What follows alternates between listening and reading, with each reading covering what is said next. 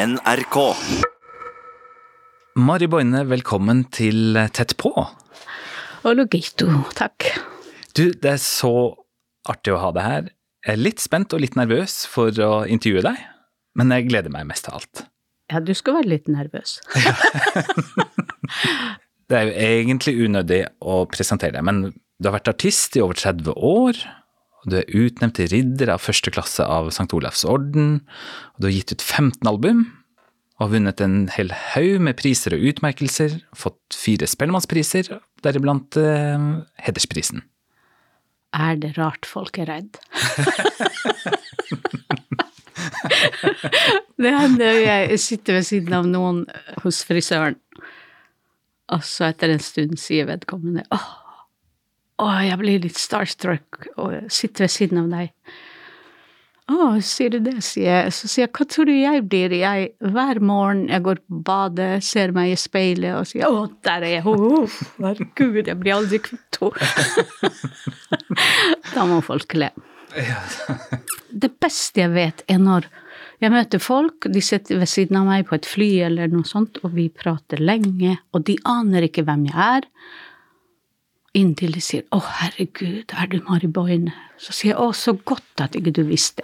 Ja. For da er folk naturlig, da er det ingen, ingenting som er imellom en god samtale, for jeg, jeg er veldig glad i gode samtaler. Kanskje på begynnelsen av 90-tallet, når jeg begynte å bli veldig kjent. Og jeg håper min bror kan tilgi at jeg forteller dette, men når til og med min bror, når han gikk ved siden av meg, sånn Folk tenker vel, hva gjør han sammen med henne? Ja, men herregud, du er jo min bror, hvis også du skal begynne å være redd for meg, så, så blir jeg jo helt isolert.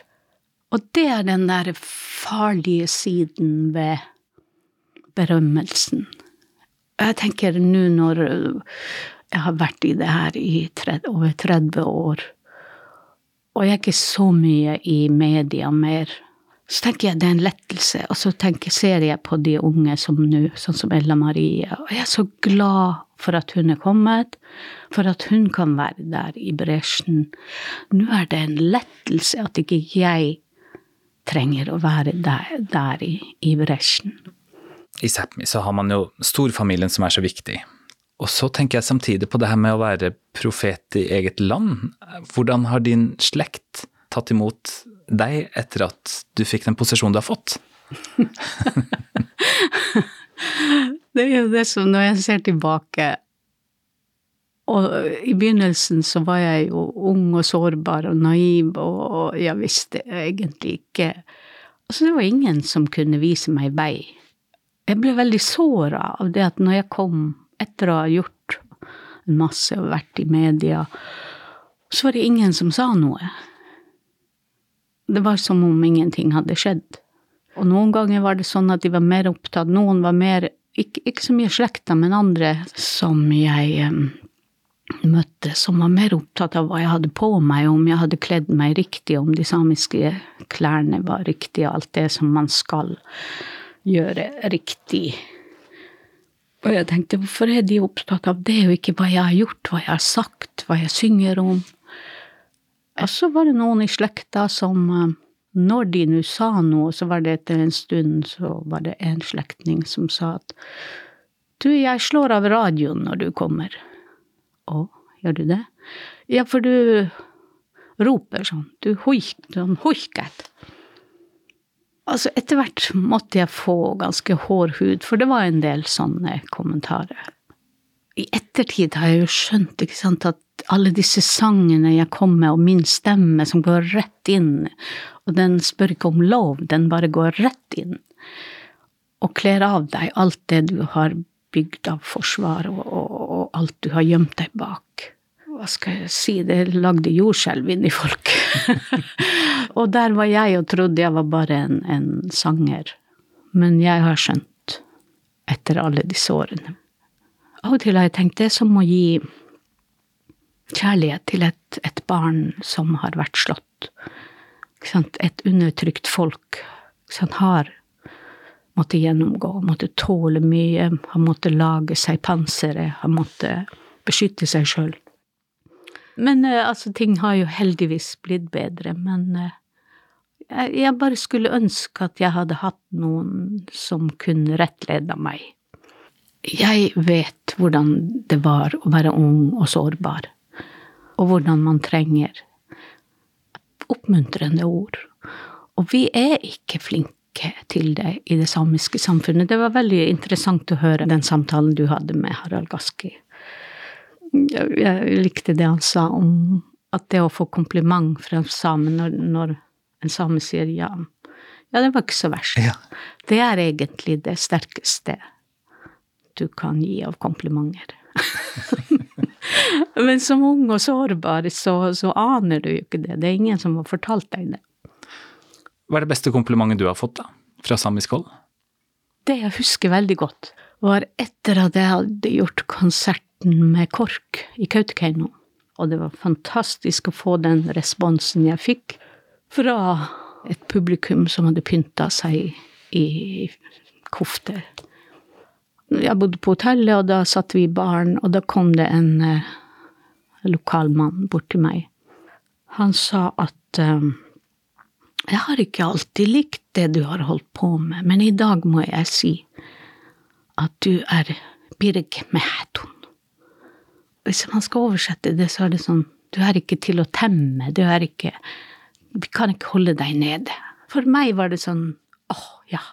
Og så husker jeg også Jeg eh, turnerte ned i Europa, jeg spilte i sør og fikk kjemperespons, og, og, og publikum var med og det var ganske livlig, og folk dansa. Og jeg følte alltid at når jeg kom til Sápmi, så var det jeg var redd, og de var redd, publikum. Så vi ble så stive, alle sammen. Og så husker jeg når det begynte å løsne. Og det var på gymsalen i Almeiveggi i Mandalen. Det var en sånn fantastisk følelse, fordi at vi begynte å fly sammen. Ja, det, det, ble sikkert sagt mye fint etterpå også, men det var den følelsen av at nå torde en del av mitt folk å stole på meg. Ikke sant? Vi kunne fly sammen. Ja. Det, det, er et kompliment å få. Men hvilket tiår var det, da? Det var mm, rundt 93-94. Så etter 10-15 år, da, som artist. Mm. Har du noen gang angra på at du ble artist? Nei, det, det har jeg ikke angra på. Av og til kan jeg sette meg ned, fordi jeg, jeg kan merke hvilken eh, pris mine sønner har betalt. Ikke sant? Denne kontakten med mine barn. Det at jeg ikke alltid var der når de vokste opp. At jeg tenker Var det verdt det? Og uh, så må jeg liksom snakke til meg sjøl og, og, fortelle meg hva jeg har vært med på. Og så må jeg snakke med, med venner som, som, har vært mine støttespillere, og som sier at det, du skal ikke angre. Særlig når jeg har fått barnebarn og har vært veldig mye sammen med de de første årene av Nå er de jo ti og elleve. Så har jeg kjent på det. For jeg har brukt mye tid på å kommunisere med det norske samfunnet. Og folk har sagt til meg at du orker. Det hjelper ikke. Mm. Og av og til når jeg ser at ting som jeg hadde forventa skulle gå framover, slett ikke gjør det, men heller går tilbake igjen. Som hva da? Det er den derre forståelsen hos de som er oppegående. Journalister, folk i den um, i offentligheten i Norge. Altså de som har definisjonsmakta i ja, samfunnet, eller? Ja. Jeg føler at jeg og mange andre, vi har brukt så mye energi på å forklare i håp om at ting skal bli bedre, at, at det samiske skal få en den respekten, og at det skal være en selvfølgelig del av f.eks. Medie, i medieverden. Mm. At det samiske skal være mer synlig. Og det, det, det virker som en evig lang lerret å bleke. Så tenker jeg åh, jeg har kasta bort så mye energi. Men så, er, så samtidig ser jeg at det har skjedd veldig mye innad i det samiske samfunnet. Stoltheten har vokst. Jeg, jeg syns det er fantastisk å se alt det som skjer blant de unge. Eh, alt det som kommer opp, og den stoltheten som de unge har.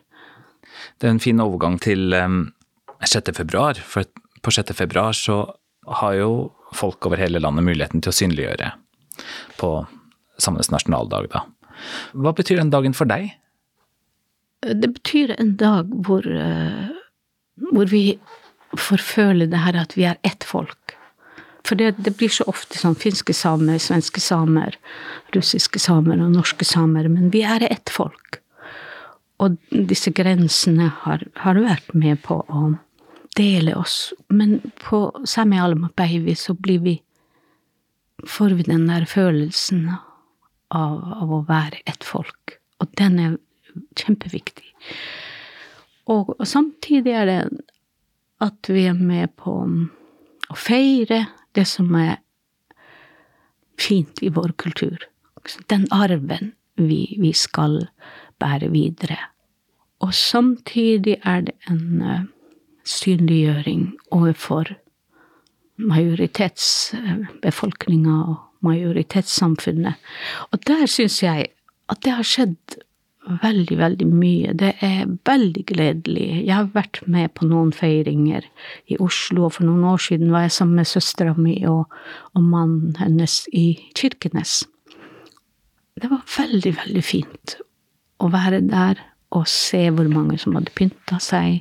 Vi er stolt over den dagen. Den stoltheten er voksende.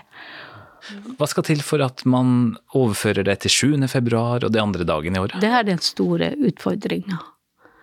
Og det er jo igjen at vi holder på den her stoltheten og vissheten om at vi har noe å tilføre. Denne arven vi har.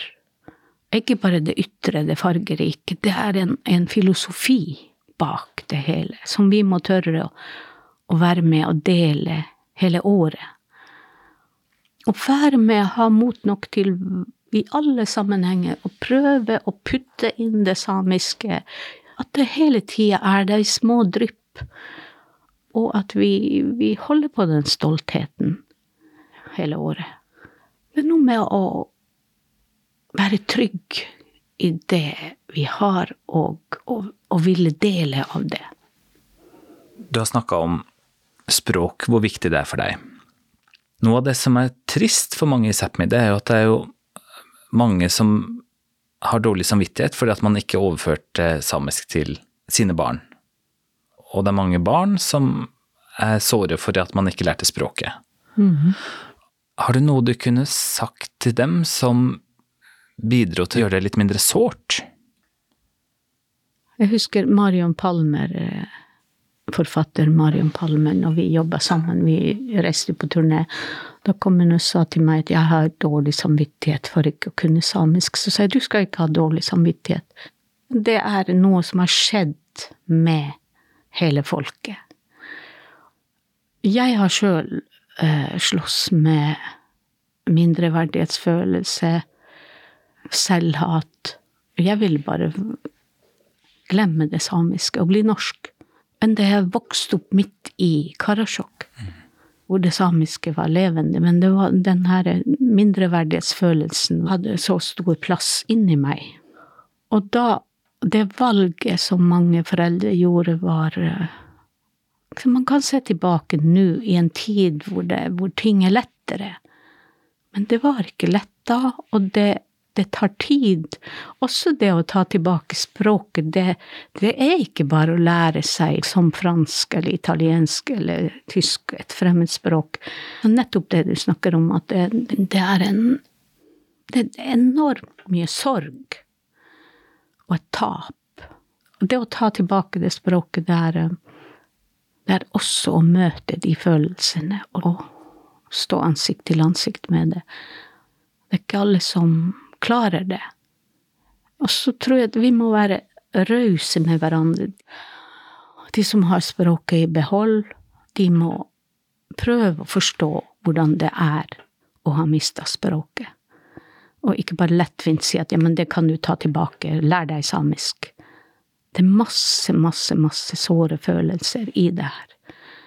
Kolonisering og undertrykking gjør vanvittig mye med et menneske. Det er masse ting som går i tusen biter, og som man da skal begynne å sette sammen igjen.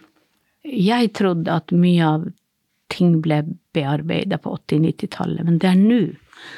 Det er nå den store bearbeidelsen har begynt. Men hvis du sammenligner 2021 med tidlig 80-tall, det har jo skjedd mye, tross alt? Det har skjedd fantastisk mye. Det, det er helt klart. Det, det, er en himmelvid forskjell. Mm. Ja, det største er denne stoltheten, som er udiskutabel, eller det her med at du, du, du, kan ikke komme her og tro at du kan bare trykke oss ned igjen. Den følelsen, den vet jeg at jeg har vært med på å, å, å få fram. Jeg blant mange andre som begynte på 60-, 70-, 80-tallet. Du er jo i ferd med å ferdigstille et nytt album? Ja. Det første siden 2017? Og den første på samisk siden 2008. Og det er jo en evighet siden. Og jeg er sånn som skriver eh, kontinuerlig. Så har jeg vært i studio sammen med min produsent Svein Schultz. Og vi har snekra sammen eh, nok låter til å gi ut et album, men det blir jo utsatt og utsatt pga. koronaen. Og, og så er det også det at jeg kjenner at der er enda noe som jeg må gjøre bedre. Sånn at jeg driver stadig og pusser på, prøver å få ut noen sanger som jeg vet er der, men jeg vet ikke, når man blir eldre, så blir man så fryktelig selvkritisk, og, og den, den sida med å eh, bli eldre er jeg ikke så glad i. Jeg sensurerer meg sjøl hele tida. Gjør du det? Akkurat. Det heter alva. Alva. Og det betyr pågangsmot, eller? Ja, det betyr Noen sier det betyr energi. Jeg snakka i morges med min eh, professor, min eh, språk... Eh, hva skal jeg si, rådgiver, Kerft Ålab. Alava, det betyr at du har viljestyrke til å gjøre det du planlegger. Jeg syns det er så fint. Alva Og alvas er når du er full av denne energien. Og jeg, jeg hadde aldri hørt det ordet. Jeg oppdaga det av alle ting på Facebook. Jeg er evig takknemlig, Inga Maria Sarre, for at du la ut det ordet, og jeg bare kjente at der er tittelen til min nye CD. Hm. For jeg liker å synliggjøre ord som ikke er som ikke er så mye brukt. Og jeg hadde sjøl aldri hørt det ordet. Jeg hadde hørt alvas. Og så lærte jeg også Gerto at alvahäpme, det er når du blir deprimert og ikke har mer energi. Og det er det som er så fint med det samiske språket, at det er så rikt.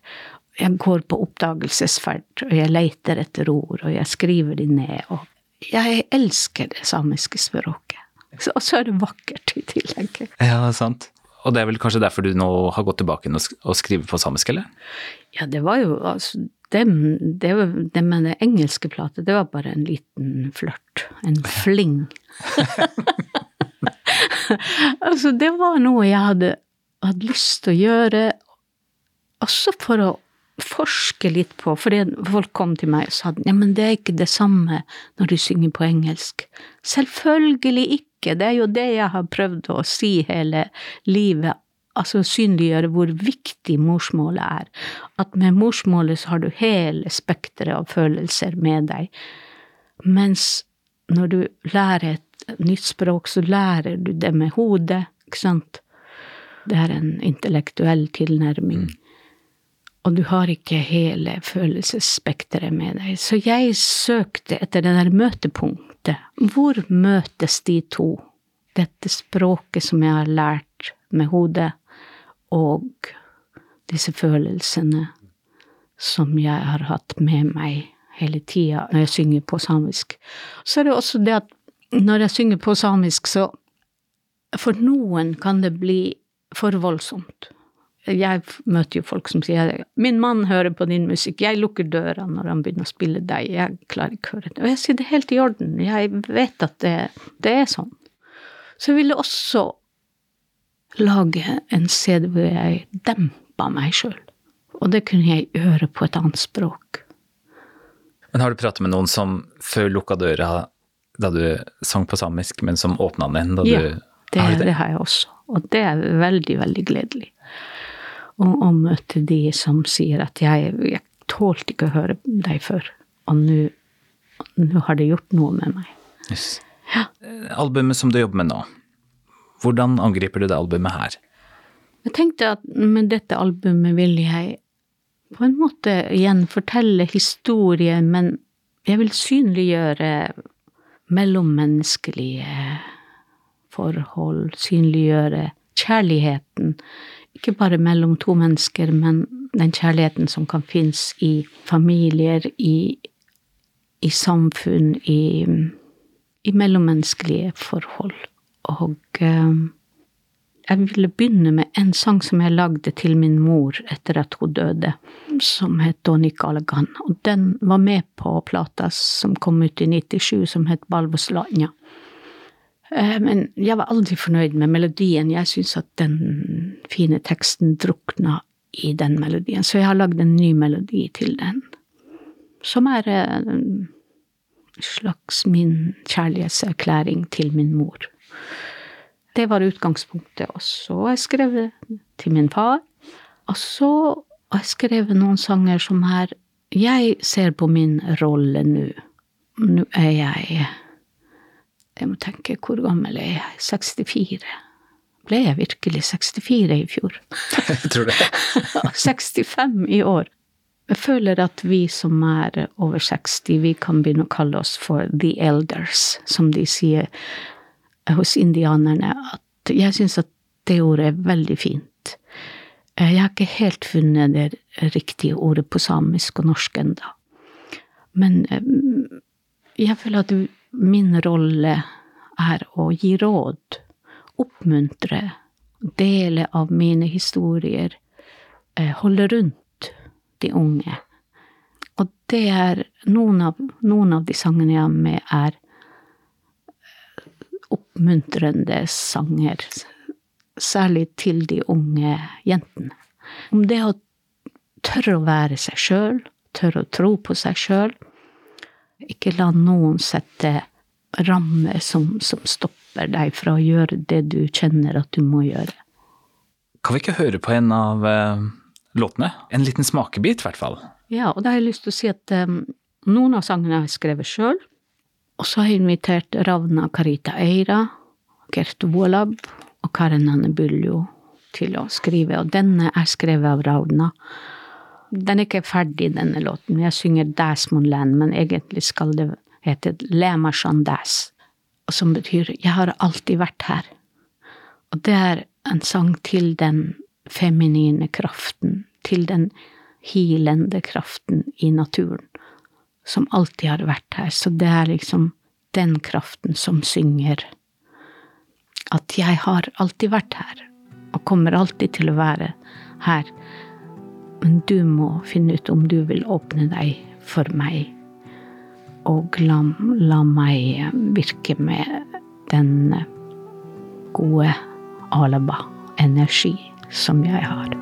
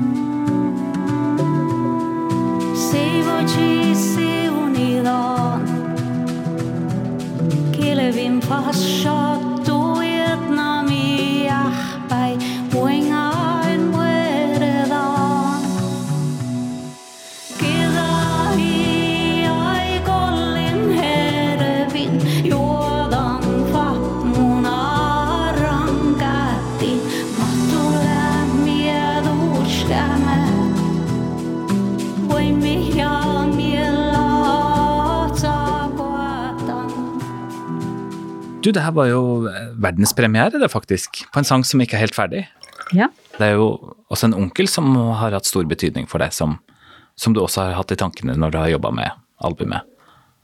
Ja, min onkel Kreitabir Niljas, han eh, gikk bort i sommer. Og i mai så lå han på sykehuset her, og mm, vi var og besøkte han flere ganger. Og egentlig skulle jeg spille inn masse da, men eh, vi måtte bare utsette det hele, for vi, vi fulgte han eh, de siste ukene han levde. Og da sendte min søster Dagny meg et bilde hvor han sitter ved Anerjoka. Et nydelig bilde. Og da kom denne teksten og, som heter Anarjokatis, som er ved bredden av Anarioka, som er den elva som jeg har vokst opp ved, og som for meg er det vakreste sted på jord. og han, lille Steno, han er den som har lært meg mye av det jeg kan om naturen, om det å fiske laks og Jeg har et fint minne, han hadde lært meg å fiske, så var vi ute og fiska, og han fikk ikke noe fisk, og jeg fikk en diddi, en, en liten laks, og da husker jeg at han var ikke så fornøyd med det. så jeg har så mange fine minner om ham, og jeg var så glad når denne sangen kom, og jeg kunne synge den for han også Eh, mens han eh, lå på sykehuset her. Og den førstelinjen første linjene er sånn Anarjokatis minahko berni. Ved bredden av Anarioka sitter bestemors sønn. Og at, at, han var min bestemors sønn. Ikke sant? Istedenfor en onkel. Det er, det er, en onkel, men han var faktisk min fantastisk fine bestemor Kreitabir sin sønn. Det høres jo nærmere ut, på en måte. Ja. Så av og til så kommer det gullkorn. han har jo hatt en funksjon for deg som eldre i sin tid. Mm. Han overførte kunnskap til deg. Ja. Og nå er du på et punkt i livet ditt hvor du har litt av den samme rollen, mm. forstår jeg på det. Hva er det du ønsker å overføre? For meg var det veldig nyttig å høre på Harald Gaske igjen, og bli påminnet om hvordan, hvordan vi er blitt oppdratt. Gejohal. Du forteller gjennom historie, og, og, prøver gjennom det å gi hint om hva som er lurt og ikke lurt å gjøre i livet. Du, du kommer ikke å fortelle formanende. Så jeg, jeg, prøver å trene meg på det, fordi at jeg har blitt forma av den vestlige kulturen til å bli veldig sånn konkret og veldig sånn du må gjøre sånn og sånn, det må du ikke gjøre, og det og jeg syns at den der Den gamle måten å, å oppdra på Jeg skulle ønske at jeg kunne mer, så jeg driver og trener meg først på å bli the elder. Mari Boine, tusen takk for at du var med i eh, Tett på. Det var veldig hyggelig. Og nå er jeg ikke nervøs lenger. jeg heter Svein Lian. Tett på fra NRK Sápmi er produsert av 1 til 1 Media.